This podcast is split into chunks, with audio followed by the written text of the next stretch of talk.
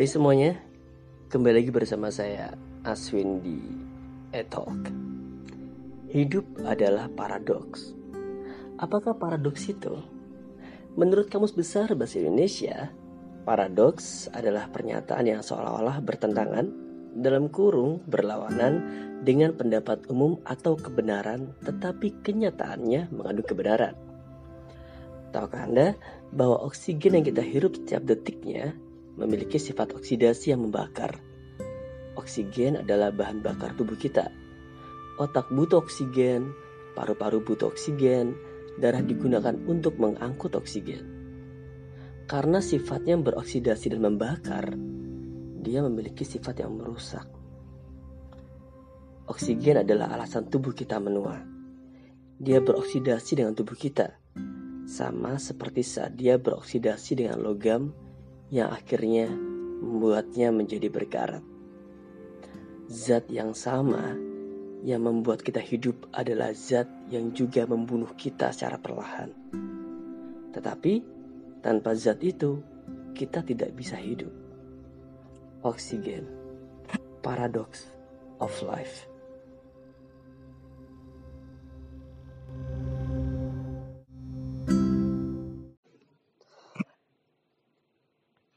Dan kembali lagi bersama saya Sunda Free, kita kembali di segmen yang kedua.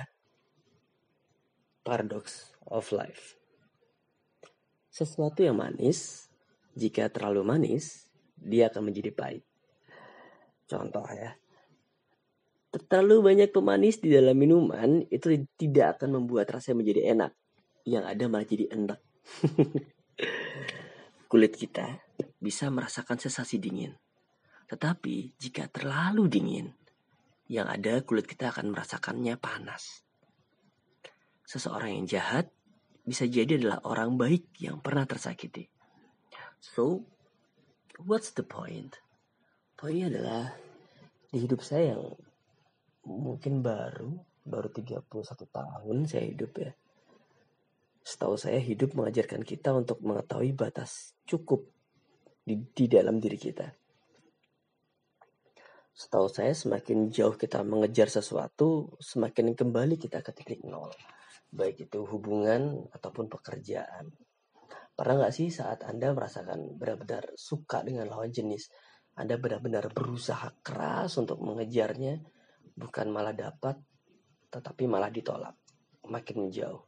Sama dengan pekerjaan, saat Anda benar-benar menginginkan suatu pekerjaan, ingin bekerja di tempat itu, Anda melakukan banyak hal agar diterima.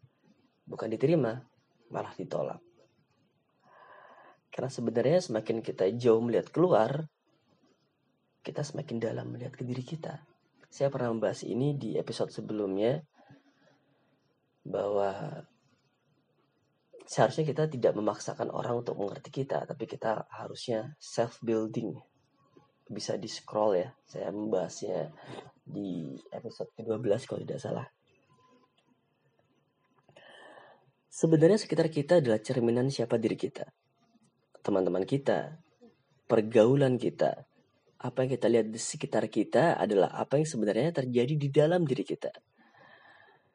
Jika Anda melihat sekitar Anda tidak baik dan tidak sesuai dengan Anda, alih-alih memaksa mereka untuk berubah sesuai dengan apa yang Anda kehendaki, lebih baik Anda mencoba Anda yang berubah sisanya semesta akan mengikuti. Entah itu semesta, alam, atau Tuhan, ya, saya tidak akan menjudge apa keyakinan Anda. Tetapi, tetapi jika setahu saya, jika Anda berusaha untuk merubah sesuatu di dalam diri Anda, maka otomatis sekitar Anda juga akan ikut berubah. Saat kita merubah diri kita, sebenarnya kita merubah semesta kita. Coba Anda pikir baik-baik. Anda ingat baik-baik ada berapa orang yang datang dan pergi dari hidup Anda?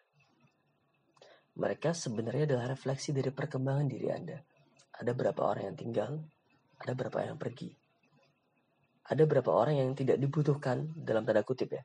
Tidak dibutuhkan di dalam kehidupan Anda dan mereka pergi. Ada beberapa orang yang masih membangun semesta Anda dan mereka tinggal.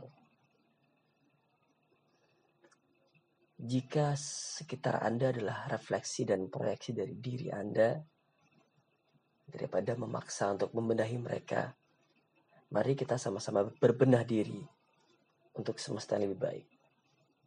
See you and bye.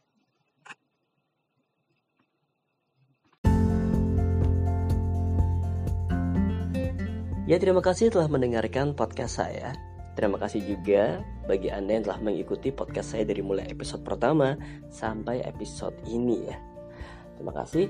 Untuk podcast ini Anda bisa dengarkan juga di situs www.satumeja.com atau via YouTube-nya juga bisa di satumeja.com atau di a slash talk bersama saya Sunda Free.